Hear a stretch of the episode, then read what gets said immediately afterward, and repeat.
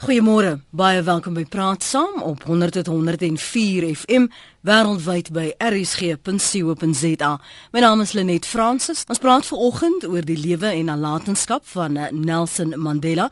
Die parlement gaan vandag 'n gesamentlike sitting hou ter ere van oud-president Nelson Mandela en dit sal waarskynlik die grootste een wees wat nog in die parlement gehou is. daarmee saam is daar intussen ook bevestiging dat sowat 53 staatshoofde en oud-presidente die staatsbegrafnis van Nelson Mandela sal bywoon. Vanoggend praat ons met gaste wat voor 1994 en sedert ons demokrasie noue bande en intense gesprekke met meneer Mandela gehad het oor Suid-Afrika en ons toekoms. Hulle deel van daardie gesprekke en natuurlik ook hulle indrukke. Heel eerstens gesels ons met die voormalige president, F.W. de Klerk, oor sy verhouding met Nelson Mandela en die laaste keer wat hy hom gesien het en baie dankie vir u tyd vanoggend hier op Praat saam meneer de Klerk. Dankie vir die uitsondering wat u vir Praat saam gemaak het. Ek waardeer dit. Goeiemôre. Wanneer was die laaste keer wat u met meneer Mandela in kontak was? Wel direk in kontak uh, is 'n hele tydjie gelede. Ek het hom laas keer gesien by die Wêreldbeker opening. Want sy gesondheid was sodanig dat hy die wens uitgespreek het om by sy familie te wees en ek en my vrou het uh, dit in ere gehou. Maar ons was voortdurend en deurlopend en is steeds deurlopend in kontak met sy eggenote met uh, mevrou Gracia Marcel. So in die sin het ons deurlopend kontak gehandhaaf. Hoe sou u daardie eerste paar ontmoetings destyds met meneer Mandela beskryf en hoe het julle gebou aan 'n 'n 'n vennootskap as en ware om die oorgang vir Suid-Afrika te bewerkstellig? Wel die ons verhouding aan die van die begin af was op en af. My eerste ontmoeting met hom was en my tweede een was terwyl hy nog uh, 'n uh, pensioneer was. Uh, hy het na my kantoor toe gekom uh so op 'n wyse wat dit nie openbaar gemaak is nie. My eerste indruk van hom was dat hy langer en forser was as wat ek verwag het. Hy het 'n aura om hom gehad, hy het 'n uh, hy het geweldige waardigheid uitgestraal, soos ook dwars deur die res van sy lewe. By daardie eerste ontmoeting het ons nie in groot diepte uh oor sake gesels nie. Ons het nie eers probeer om te praat oor al die dinge waaroor ons later sou onderhandel nie. Ons het mekaar eintlik opgesom. En beide van ons het later in ons onderskeie autobiografieë kon skryf. Ons kon terugrapporteer aan ons masbasis. Ek dink ek kan besigheid doen met die man. Daar was van die begin af 'n rapport tussen ons geweest dit was of ons mekaar verstaan het. En daardie daardie basiese soort van wederwysige respek al was ons opponente mm. het het nooit verdwyn nie. Daar was tye van geweldige spanning tussen my en hom. Alles rondom die kwessie van voortgesette politieke geweld van 1990 af tot en met die verkiesing. Hy het beskuldigings gemaak teen my wat ek beskou het as onregverdig. So dit het groot spanning gebring. Maar altyd as ons hoofonderhandelaars meneer Meyer en en uh, hulle hoofonderhandelaar meneer Ramaphosa na ons gekom het en gesê het nou moet julle as leiers vir ons help daar's 'n dreigende uh deadlock wat aan die kom is dan kon ons uitstyg bo daardie spanninge en hande vat en oplossings bewerkstellig.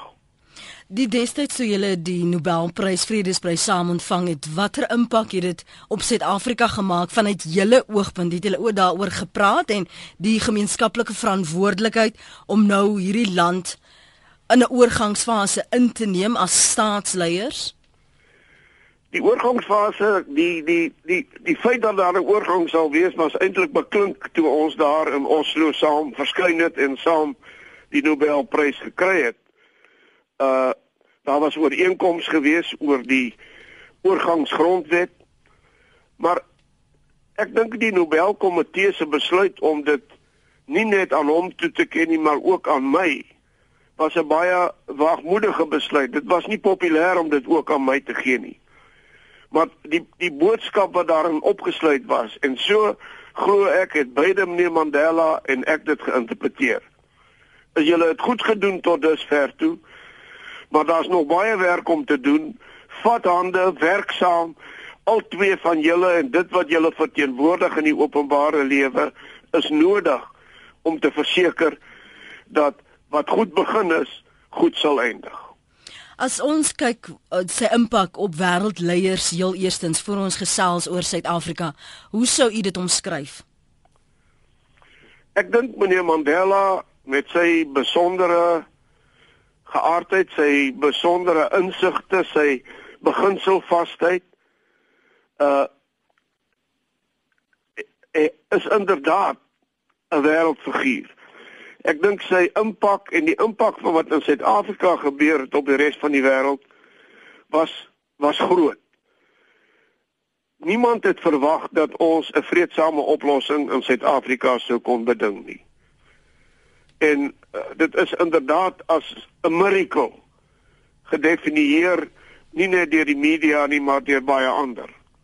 Uiteindelik van sy kant en ook van my kant en dit wat ek verteenwoordig het is is wat gebeur het iets wat moes gebeur as as ons nie vrede gemaak het as ons nie onderhandel het as ons nie deur gee en neem 'n werkbare goeie kompromie bereik het sou daar in Suid-Afrika 'n vernietigende burgeroorlog gewees het en aan die einde daarvan na honderde duisende jong mense sou sterf, sou ons weer eens om die tafel moes sit om te onderhandel.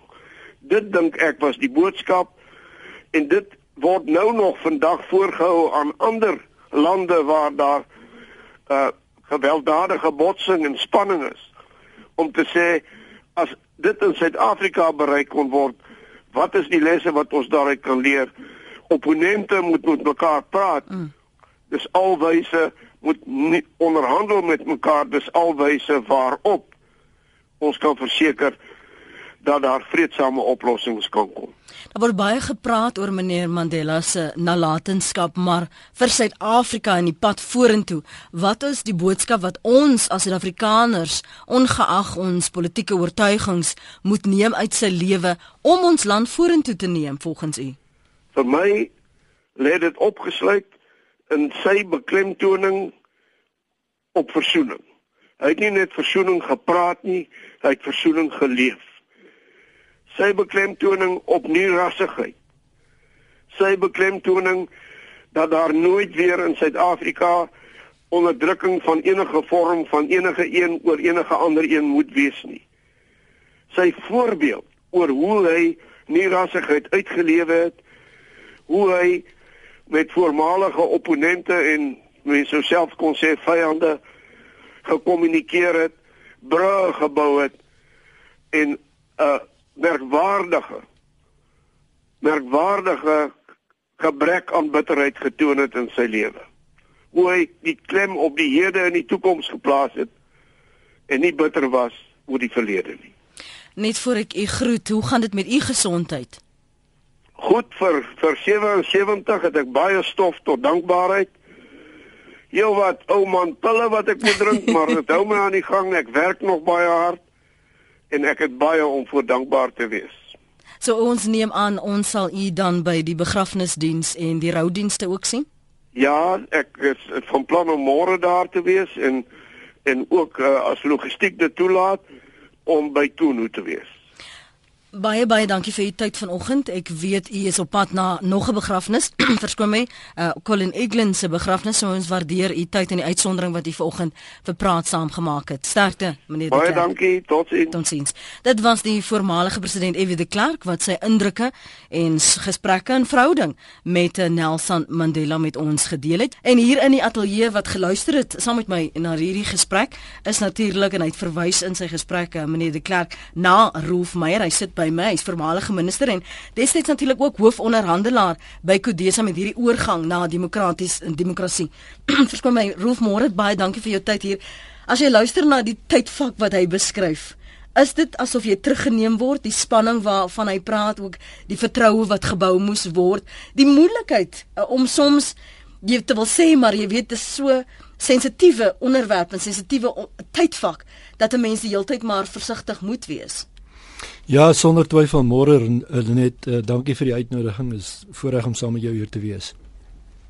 Dit is sonder twyfel 'n uh, jy weet uh, die hele naweek sedert donderdag aand uh, is mense gedagtes en emosies ook plek plek uh, terug in die tydfase 20 jaar gelede toe ons besig was om om vrede te probeer maak en uiteindelik daarin geslaag het en uh, jy weet ek self sal nooit vergeet die eerste indrukke wat ek gehad het van meneer Mandela toe ons die eerste keer bymekaar gekom het daar in Mei 1990 uh toe ons bymekaar gekom het by die groot skuurberaad uh waar ons vir die eerste keer as twee op, opponerende groepe met mekaar gepraat het die ANC leierskap en die destydse regering.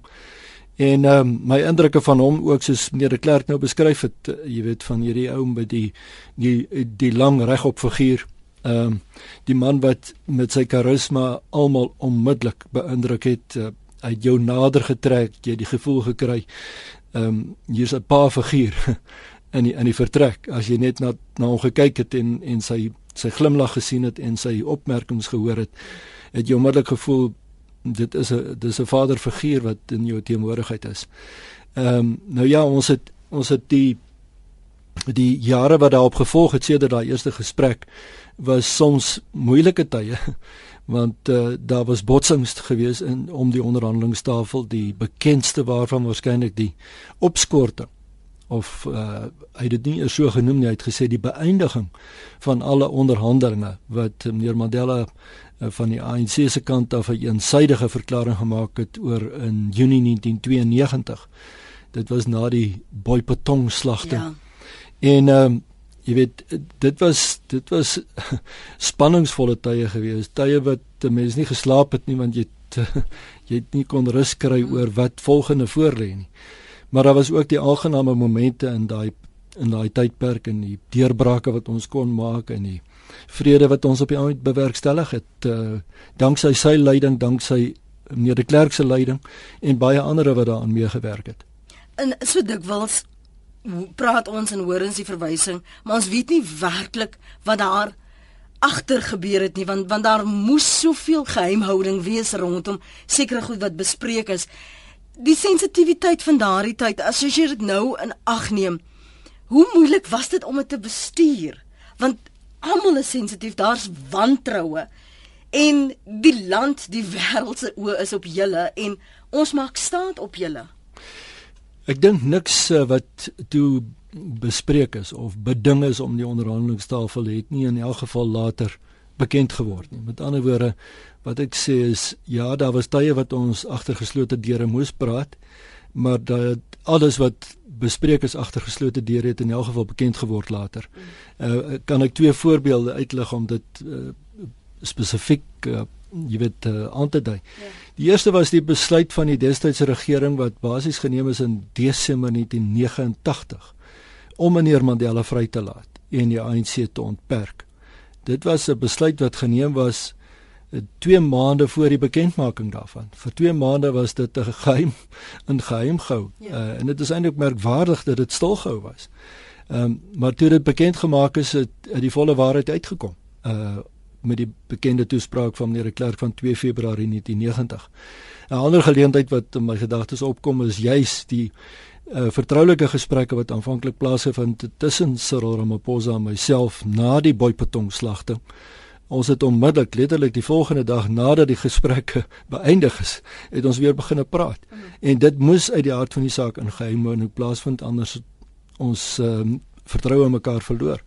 So ons het ons het vir weke en selfs vir meer as 'n maand waarskynlik aangegaan om om op 'n vertroulike basis mekaar te praat met die instemming van uh, meneer de Klerk en van meneer Mandela onderskeidelik.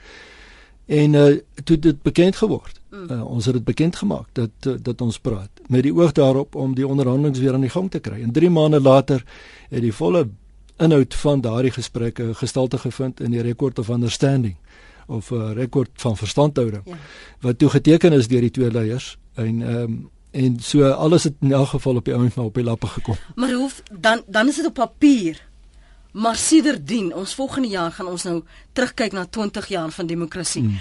moes dit gestalte vind. Hmm. Moes ons as as Suid-Afrikaners met verskillende oortuigings wat vir jare van mekaar verwyderd geleef het, hmm. moes op op 'n manier nou waarheid vind in daardie hmm. daardie uh, ondertekening en en daardie goeie uh, intensies. Hoe moes ons bou? Hoe met met die oorgang met julle wat toe nou NP was en ANC, ehm um, vir soos jy net nou ook hmm. gesê het vir jare vyande. Hmm. Hoe moes ons bou sodat Suid-Afrikaners dit kon inkoop? Ek ek dink die die leierskap het 'n groot rol gespeel rondom dit. Uh die die die feit van die saak is, uh meneer Mandela het daarin geslag om die om sy ondersteuningsbasis, met ander woorde die ANC wat die meerderheid van die mense toe verteenwoordig het en later na die verkiesing dit is so bevestig. Ehm um, en aan die ander kant meneer Klerk wat die meerderheid van die uh, uh blanke gemeenskap verteenwoordig het op daai stadium. Die die feit van die saak is die die onderskeie leierskappe het uh, het dink ek die vertroue ingeboesem by hulle mense. Uh, hulle het hulle ondersteuners kon saamvat. Uh, 'n uh, baie goeie bewys daarvan was die referendum van Maart 1992 wat meneer Klerk gelei het en waarin hy die meerderheid van die blanke gemeenskap 70% se steun gekry het in daai referendum. So dit in sigself het 'n groot rol gespeel, maar ek dink die tweede faktor wat wat meneer Klerk nou nou ook na verwys het, was die onderlinge vertroue wat ons gebou het uh, teenoor mekaar. Ten spyte van die feit dat ons opponerende posisies gehad het, uh het ons tog met mekaar ook in vertroue begin gesels. Mm. Ons het onderlinge vertroue ontwikkel en ek kan dit spesifiek sê van my ervaring rondom my gesprekke met Cyril Ramaphosa. Ons het sodanige vertroue ontwikkel dat ons later vir mekaar gesê daar's geen probleem wat ons nie kan oplos nie. En jy kan self indink hoe hoe 'n magtige faktor dit was toe ons daai stelling teenoor mekaar kon maak mm. en vir mekaar sê ons gaan hierdie knoop deurhak. Uh so dit het alles gehelp om dink ek mense se vertroue te bevestig ook in die breë Suid-Afrikaanse gemeenskap en op die oomblik het dit gestalte gevind in verkiesingsdag 1994. Mm. Toe mense kom stem het omdat hulle wou uiting gee aan hulle bevestiging dat hulle tevrede was. Ek sê nie almal elke individu was tevrede nie, maar die grootste meerderheid van alle Suid-Afrikaners van alle gemeenskappe van Suid-Afrikaners was tevrede. Uh, Abel van der Merwe tweet meneer de Klerk, dankie vir u visie wat u saam met meneer Nelson Mandela gehad het om ons land te red van totale anargie. En dis 'n mening daar en ons moet weer eens benadruk ons waardeer die feit dat um, meneer de Klerk van ons tyd afgestaan het en dankie ook dat jy ingekom het roef om hier te kan gesels. Johannes, um, hy het 'n vraag, hy's daar van Oudtshoorn, hy's op lyn 2. Johannes, môre? Môre, môre Lenet. Ek ja, ek wil net graag vra uh, vir meneer Meyer um, die nasionale party in die 80 jare gevra dat hulle saam met Nelson Mandela praat as hy geweld afsweer kon hulle agterkom op watter stadium in sy lewe het hy het hy belang gestel in in in in geweldafswering en die groot vergifnis wat hy geopenbaar het. Ek kon hulle op 'n stadium agterkom dat dat hy verander het of het hy lankal van tevore verander. Baie goeie vraag Johannes, kan ek jou maar groet en gaan jy verder reis luister by die radio? Ek luister by die radio. Baie, baie dankie, dankie Johannes. Dis 'n goeie vraag, uh, net soos jy reg ja. sê. Ehm um, Johannes, ek was nie by gewees in die gesprekke wat in die 80er jare tussen destyds meneer PW Botha en toe later meneer Klerk self plaasgevind het nie. Daar was ook ander wat met hom gepraat het terwyl hy nog in gevangenis was, soos oud minister Kobie Kutse en Dr Neil Barnard van nasionale intelligensie in daai stadium. En uh, ek ek was nie self by nie, maar volgens oorlewering het die het die gesprekke daarop gedui dat meneer Mandela regtig belang gestel het in 'n vreedsame oplossing vir Suid-Afrika. Met ander woorde dat hy bereid sou wees om die eh, stryd om geweld of die gewelddadige stryd te, te ruste te laat, eenkant te skuif en om die tafel te gaan sit om 'n vreedsame oplossing te kry. En ek dink alles wat ons daarna van hom gehoor het, met ander woorde die dag wat hy uitgekom het uit die gevangenis 11 Februarie 1990 Uh ek sal dit nooit vergeet nie daai toespraak wat hy gemaak het op die parade in Kaapstad. Uh kon hy baie maklik gesê het hy doen 'n beroep op sy volgelinge mm. om die strate te vat en met geweld uh verandering af te dwing in Suid-Afrika. Hy het dit nie gedoen nie.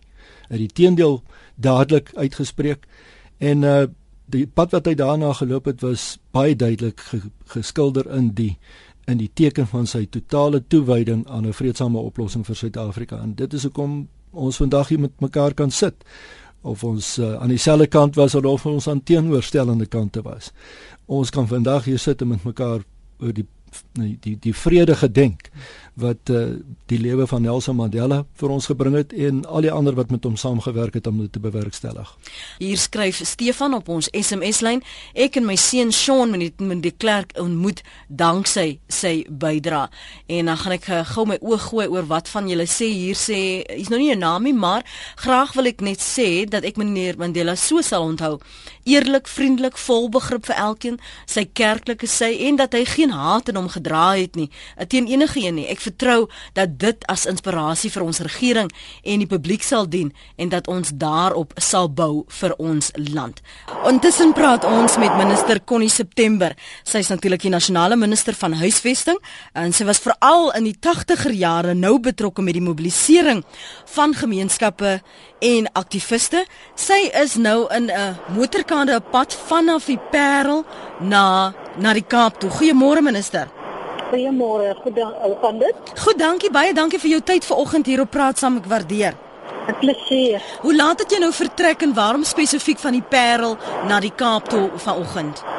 O nee, ons is in die motorkade uh, ehm um, uh, van vanoggend ehm um, net 'n bietjie uh, van 5 uur en 'n bietjie net na 5 uur het ons beweeg ehm um, na Victor Verster natuurlik die eh, die plek waar ehm um, you know Mandela se entlike vryheid ehm um, gekry het.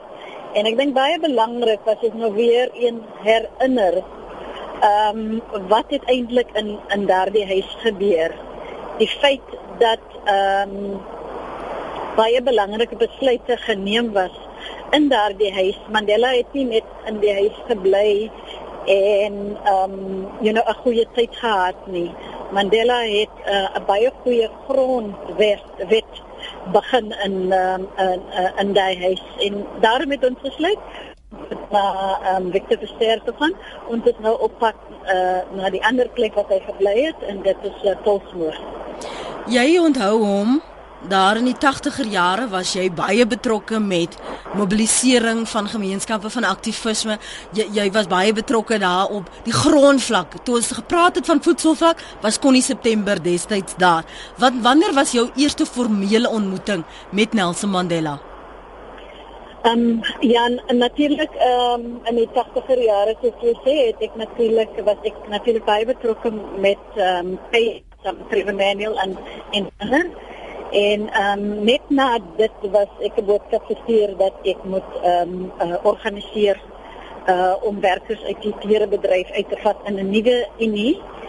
En ehm um, dit het natuurlik gelei tot ehm um, uh uh ek um, die visiepresident van uh, Kusatu geword het. So dit was die tyd ehm um, in 1993 uh vanaf 1993 ehm um, was dit natuurlik tyd wat ons baie nou aan mekaar gewerk het omdat ek uh, uh op daardie vlak ek was die nasionale uh, president gewees en natuurlik in die alliansie ehm um, weet jy dat die uh die uh, uh officials van um, die ANC van uh, Kusatu en van die SKP het ons natuurlik uh, by daardie vlak by mekaar. So hmm. ek het geleentheid gehad om baie na aan om te werk uh, in in daai tyd Het was natuurlijk een baie belangrike tyd in Suid-Afrika, because dit was die tyd toe ons uh, voorbereiding moet getref het vir die um, grondwet van Suid-Afrika en natuurlik na die grondwet um, die wette wat moet uh, verander het. Maar ook baie belangrik, dit was die tyd wat ons moet verseker het dat ons ehm um, 'n vrede in in 'n in 'n in 'n tydperk in Suid-Afrika bring waar almal van ons ehm um, vry kan voel dat ons kan voel dat hierdie land uh, is ons land. En natuurlik die rol wat Nelson Mandela gespeel het in daai tyd was een van die belangrikste een van die belangrikste tye in die middel van 'n klomp ander belangrike tye wat hy gehad het. En dit is as jy kyk na die produk wat gelewer was in uh, uh in daardie tydperk uh, tot op die tyd uh, toe hy tot gesien gesê het in parlement ons moet saamstem dit was een van die tydperke waar 'n stewige baie stewige ehm um, uh, 'n fondasie gelê was in Suid-Afrika.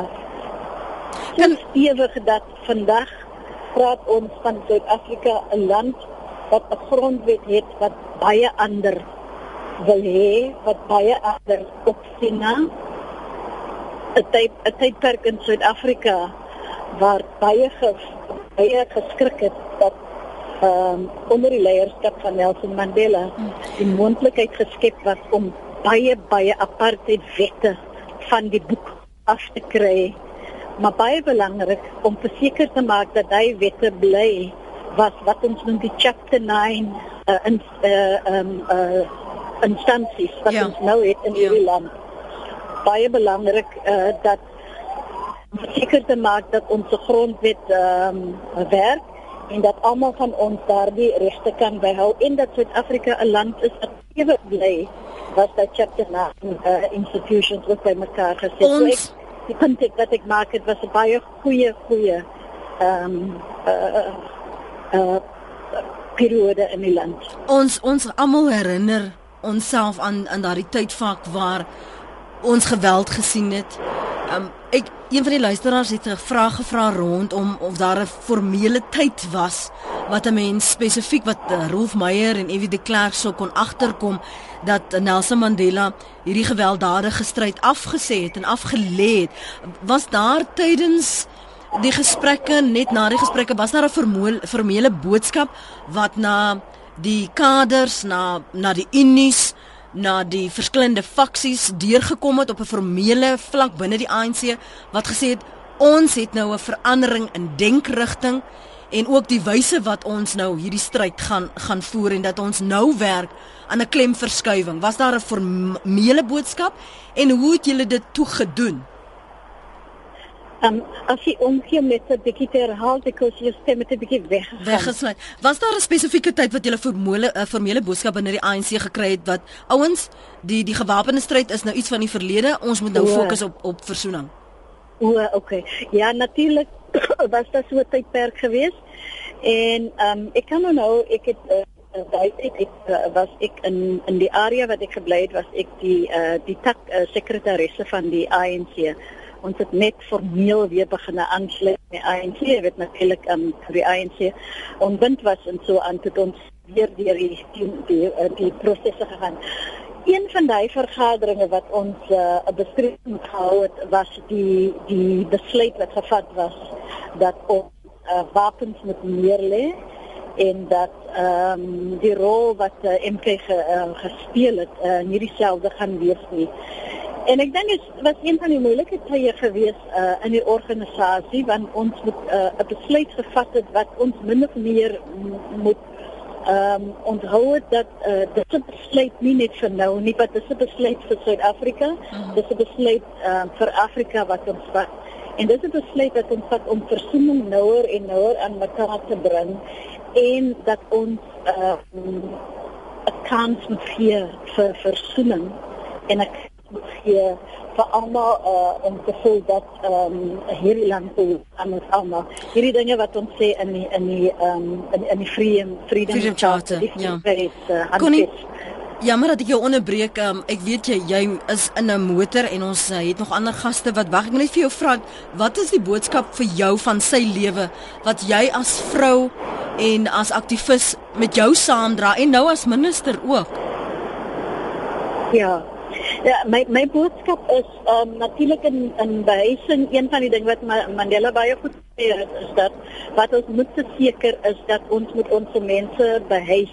So vandag as jy sien die die hoe ons meer en meer beter huise in Suid-Afrika aanbied aan mense, maar ook die mense wat uh, nie geleentheid gehad het om 'n uh, om 'n breaking the ground huis of 'n of 'n band te kry nie. Die feit dat ons mense huise nog gee wat ons in die gap market is baie belangrik because jy sal sien dat alles wat in die Mandela periode begin het is uh dis dit uh, vry uh help gekry ons het se mense huise aan vry en so is die lys langer as my my my boodskap aan almal in Suid-Afrika is ons dat ons uh, demokrasie is stewig ons het binne demokrasie besig om beter en beter te word en dat die land moet aanhou en aanhou en meer voorbeelde soek om te versoen en te versoen Goed. en te verseker maak dat die wat nog nie het in die land nie ons moet uitreik na hulle because dit dit was altyd se boodskap.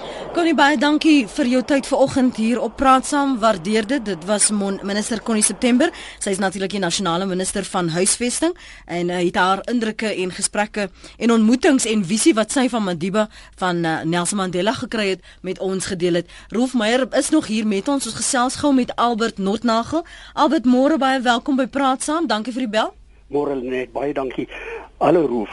Rolf, ek wil net graag vir jou ietsie vra. Saterdag aand was daar 'n film oor RSG3. Dis 'n ou film.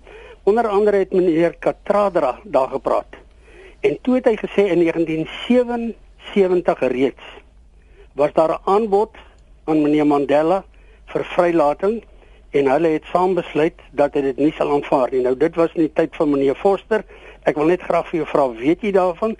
Uh want ek het nog nooit daarvan gehoor nie. Tweede ding wat ek net vir jou wil vra is, in die gesprek het Neil Barnard ook beklei met Pikbota en die kern van daai storie was dat nasionale uh, dat Neil Barnard by name en dis 'n historiese ding wat jy asseblief vir ons moet regstel gaan steeds uh die wêreld in asof hy en NU die rede was waaroor daar 'n skikking bereik is en dat hulle begin onderhandel het.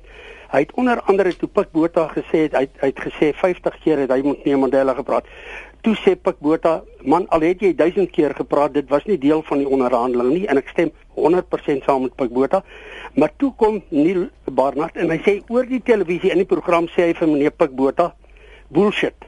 En hy maak steeds en dit staan in die geskiedenisboeke waar ons hierdie pragtige meneer Mandela en sy geskiedenis en julle almal se wonderlike werk herdenk, uh, word dit nou geskryf asof nasionale intelligensie begin het met die onderhandeling. Jy was self in die nasionale party. Die gesprek oor onderhandeling het binne in die nasionale party lankal begin. Meneer Mandela het vir my persoonlik in Amsterdam die eerste keer wat hy daar geland het en ek gaan daarmee afsluit. Het hy my hand gevat en hy het vir my ek het nie eens geweet hy ken my nie. Hy het vir my gesê Uh, Mr. Nordnagel, thank you very much for what you said and did on our behalf. Ek wil net hierdie drie punte kry dat jy net tog asseblief dit belig binne in die nasionale party voordat meneer de Klerk begin onderhandel het en hy was die myns insiens was die twee redders, die wonderlike meneer Mandela en meneer de Klerk en meneer de Klerk kry nie genoeg erkenning en eer vir wat hy gedoen het onder blanke mense nie en die nasionale party kry geen onder onder uh, kry geen erkenning vir die feit dat ons lank voor daai tyd in die binnekamers al reeds begin het met gesprekke. Baie baie dankie Roof en geluk ook aan jou met die wonderlike werk wat jy gedoen het. Dankie Albert. Albert baie dankie. Goeiemôre. Dit is goed om jou stem te hoor. Ehm um, ek dink ons moet net uitwys jy was Suid-Afrikaanse ambassadeur in Nederland, in Den Haag mm. uh uh rondom die oorgangstyd. Ehm um, ek dink die die eerste punt uh waarna jy verwys die ene oor of John Foster reeds so 'n aanbod gemaak het aan meneer Mandela. Ek is nie daarvan bewus nie. Ek was ek was in 77 nog nie eers in die parlement nie. So is 'n bietjie voor my tyd. Uh die eerste wat ek van bewus was is dat uh, meneer PW Botha die aanbod gemaak het. Maar dit was onderhewig aan die voorwaarde dat meneer Mandela geweld moet afsweer as 'n as 'n politieke as 'n politieke uh voertuig mm. of tool. Uh, ek soek nou die, die regte woord nou. Ehm um, So ek voorwaarde eintlik. Voorwaarde. Mm. Ek is nie bewus daarvan dat dat meneer Foster reeds so 'n aanbod gesou gemaak het nie. Die tweede is uh die rol van nasionale intelligensie in die gesprekke wat plaasgevind het.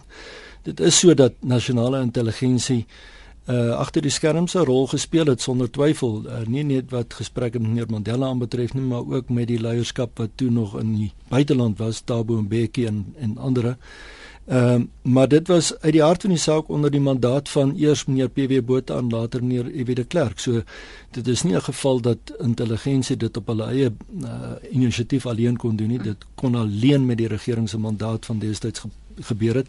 Meneer Kobie Kutse het 'n belangrike rol gespeel daarin as destydse minister van Justisie en van korrektiewe dienste. So daar was 'n daar was 'n hele span wat daarbey betrokke was en ek dink jy is heeltemal reg dat uh, mens moet nie probeer om net een instansie uit te sonder nie.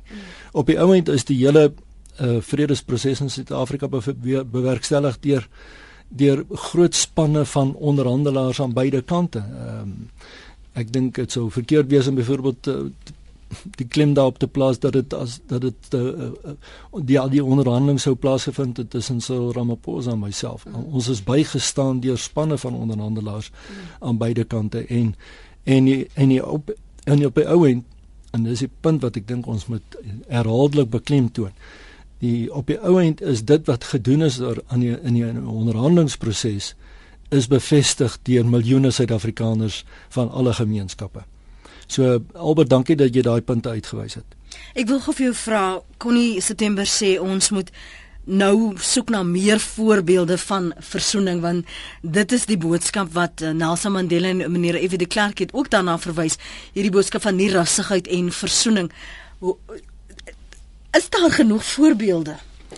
Ek dink nie so nie, ehm um, Lenet, ek dink ons moet harder daaraan werk. Uh, en in een van die mees kosbare dinge wat ons kan doen, is om die nalatenskap van Madiba te gaan opsom en te ontleed en te sê hierdie is die deugde wat uit sy optrede blyk. Kom ons leef dit self na. Ehm um, jy weet ons sal nooit weer 'n Madiba hê nie in Suid-Afrika nie. Waarskynlik nie gou in die wêreld nie. Maar ons kan almal ietsie van hom in ons eie optrede weerspieël en uitdra.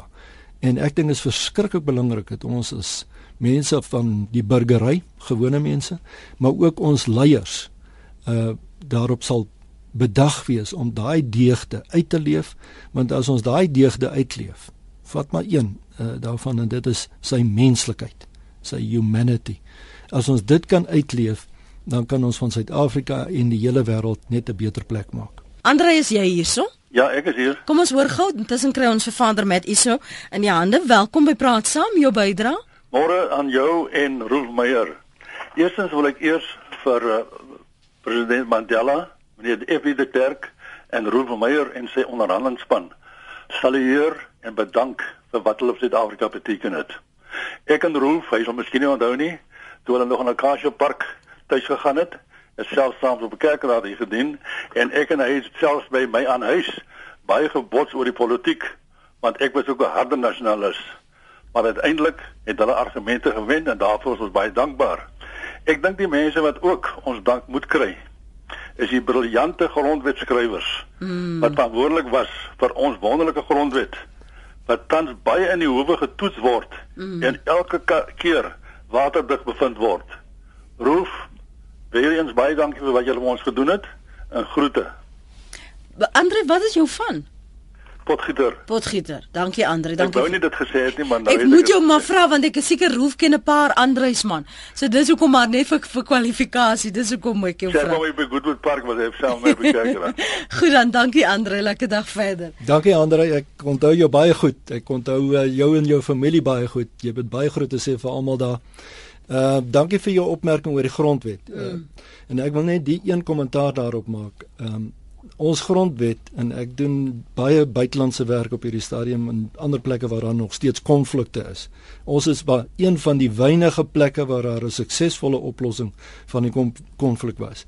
Maar op al hierdie ander plekke waar ek uh, besoeke bring, uh staan ons grondwet uit as die uh as die toonbeeld van 'n rolmodel wat ander wil graag navolg om seker te maak dat hulle ook oplossings kry. Ja, uh, kon nie daarna verwys, jy nou daar verwys, ander daarna verwys. Ons ons probeer die heeltyd in Suid-Afrika ons weg vind. Um binne wat ons graag wil sien gebeur, maar dan is daar sekere goed wat moet gebeur. Wat sou jy as jy nou terugdink wat jy graag sou wou sien gebeur wat nog nie gebeur het nie, waaraan ons as Suid-Afrikaners moet werk? Ek um, ek het 'n ek het 'n ek het 'n onderwerp wat ek wat ek net eenvoudig herhalend herhalend uh, opper in hierdie verband en dit is onderwys. Ek is regtig bekommerd oor die stand van van basiese onderwys in Suid-Afrika. Ek dink nie ons het genoeg gevorder sedert 20 uh, sedert 1994 in die afgelope 20 jaar om om daarvan genoeg werk te maak nie. Ons weet almal die skade wat apartheid gebring het in terme van onderwys, maar daar moet regstelling plaasvind op daai terrein en dit gaan nie net oor oor eh, beleid nie. Dit gaan ook oor wat gebeur in die klaskamers. Met ander woorde die bestuur van ons skole. En ons sal met almal ehm um, uh uh baie baie aandag en energie insit in hierdie onderwerp. Is nie die regering se verantwoordelikheid ja. Maar dit is 'n verantwoordelikheid wat op 'n nasionale vlak aangespreek moet word. Tensy ons onderwys verbeter in Suid-Afrika, gaan ons nie die ongelykhede uitgeskakel kry nie, gaan ons nie armoede en werkloosheid kan aangespreek kry nie, want op die oomblik is ons onderwysstelsel ehm uh, is uh, uh, slaag ons onderwysstelsel net nie daaraan om hmm. om mense daar te gee wat op die werksvlak benodig word nie. Die die ongelooflike um, gesig as jy as jy die televisie aanskakel en jy blaai deur koerante wêreldwyd is mense wat saamkom en rou. Hmm. Ehm um, enerzijds oor Nelson Mandela maar maar daar's daar's hierdie hoopvolheid dat ons tog daarin gaan slaag as 'n land om die die waardes wat hy voorgestaan het die die menslikheid wat jy net nou van gepraat het om dit te probeer vind in onsself en dit meer te deel met ander en en veral in die wêreld. Gister het ons nou vir diegene wat wat gevoel het hulle wil gaan na hulle plekke van aanbidding, het ons gesien hoe Suid-Afrikaners weer bymekaar kom. En ek wil gou vir Matt Iso, vader um Matt Iso hier intrek roef oor oor daardie ervaring gister. Matt, baie welkom by Praat saam baie. Dankie vir jou tyd. As jy nou gister se se se bedienings kyk en, en hoe mense bymekaar gekom het selfs daar in die Kaap weer St George's Kathedraal en hulle eie gemeenskappe reg oor Suid-Afrika. Het dit vir jou sterk herinner aan die 80er jare hoe mense hulle toevlugting altyd na die na die kerk geneem het? Goeiemôre Lenet en baie dankie. Ek ek moet sê dat dis ook meer as wat gebeur het in die 80er jare want hier het ons gister uitgevind dat ons land so verenig is deur die groot Madiba dat al wat ons kon doen as gelowiges was om vir die Here en vir God dankie te sê vir die geleentheid wat ons gekry het as 'n mens hier in Suid-Afrika om te kan leef en en vaar het met 'n persoon soos Madiba. So ja, dit het my herinner terug, maar dit was groter dat wat ons ooit kon dink ons kon doen. Wat jy jy het male sonder taal saam met uh, Emeritus Aartsbiskop Desmond Tutu uh, vir Madiba moet met hom gesels. Uh, hoe wat is die indruk wat hy op jou gelaat het? Wat wat weet jy wat ons nie weet nie wat jy ver oggend tog met ons kan deel? vlugtig wil ek net sê dat ek het meneer Mandela ontmoet toe ek seker so 8 jaar oud was. En die een ervaring was dat ons predikant by ons kerk in die stad hier in Kaapstad uh, was ook die predikant wat gaan werk met die prisoners op op die eiland. En dit was ons job om seker te maak dat die die goed die orgeltjie wat hy saamgeneem het, die altaar wat hy saamgeneem het, dit moes ons pak. En ons was gevra om die goed so te pak uh met koerante. Maar ons moes nie die koerante opbreek nie.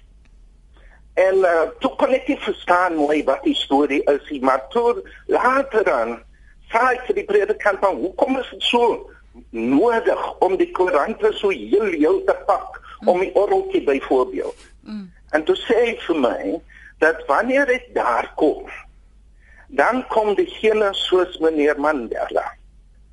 En hulle kom dan sy goed bring na die kerkie toe waar hulle nou in die sel die die die die dien van nou. En dan pak hulle nou die ding uit. Maar dit was toe hulle geleentheid om 'n koerant te kry wat nie uitgeknip was of uitgeblank was nie as mense dit so kan stel. Ja. En so in 'n snaakse manier het ons as kind geleer ken die wonderlike man. Nou kyk dit later aan, het ons hom ontmoet en weer een soort duisende duisende mense in die land gesê het, die naweek. As dat wanneer jy hom ontmoet het, het jy nooit vergeet jy was in die in die geselskap van 'n baie groot figuur. Dit sal ek nooit vergeet. Met is ongelukkig waar ons dit moet laat. Vanoggend baie dankie dat jy tyd afgeknyp het om vanoggend met my hier te praat. Dis goed om na al die jare weer met jou te gesels. Sterkte. Dankie Lenet. Mooi bly. Dis Vader met Isu daar in die Kaap, natuurlik baie nou betrokke met die die St George's Kathedraal daar in Kaapstad in dat wat die kerk verteenwoordig het in die 80er jare, 90er jare en selfs nog tot gister vir diegene wat daar ehm um, hulle harte gaan uithuil het en hulle hulle rou en medelee gedeel het. So binne 30 sekondes van jou kant. Jy gaan nou môre ook hierdie diens bywoon. Is dit 'n 'n moeilike swaar oomblik of is dit soos baie Suid-Afrikaners weer voel, dis 'n viering van meneer Mandela se lewe? Ek het uh, Vrydag aand met Cyril gepraat op die foon mm. en jy weet net met hom een gedagte wou deel en te sê ja ons is ons is sad. dis 'n slegte oomblik, dis 'n emosionele oomblik vir ons, maar terselfdertyd moet ons dit ook vier. Ons moet vier wat die lewe van Mandela vir ons almal beteken het en nie net sy lewe nie, maar wat die land by gebaat het in die vrede wat daar bewerkstellig is in die afgelope 20, 30 jaar en en, en ek dink dis 'n geleentheid, dis 'n goeie geleentheid om hier waar ons afskeid neem van die vaderfiguur van Mandela uh, waar die era eintlik op 'n sekere manier tot 'n einde kom terselfdertyd te sê ons kan voor die Here dankie sê vir hierdie wonderlike geleentheid. Baie dankie vir jou tyd vanoggend ook hier op Praat Saam. Hier skryf 'n luisteraar: Nelson Mandela is in my hart gebore voor die eerste demokratiese verkiesing met sy besoek aan Graaf Reinet. Ons het voor die drosdui gestaan. My kinders was nog baie klein en het tussen die mense se bene geloer. Die uitdrukking in sy oë toe hy na my kinders kyk. Oeg, dit was onbeskryflik. Op daardie oomblik is hy in my hart gebore. Baie dankie vir julle SMS'e. E Smit van Graafrein net sê vir ewig sal hy daarin leef. Long live. Hallo. Baie dankie vir die saamgesels vanoggend hier op Praat Saam. Baie dankie aan die voormalige president F.W. de Klerk, uh, oud-minister Rolf Meyer vir sy tyd vanoggend, natuurlik ook minister Connie September en Vader Matthew vir die saamgesels. Môreoggend in die omgewing van 5 minute oor 8 is ons terug, dan praat ons verder. Groete van my Lenet Fransis en regisseur Jody Hendriks.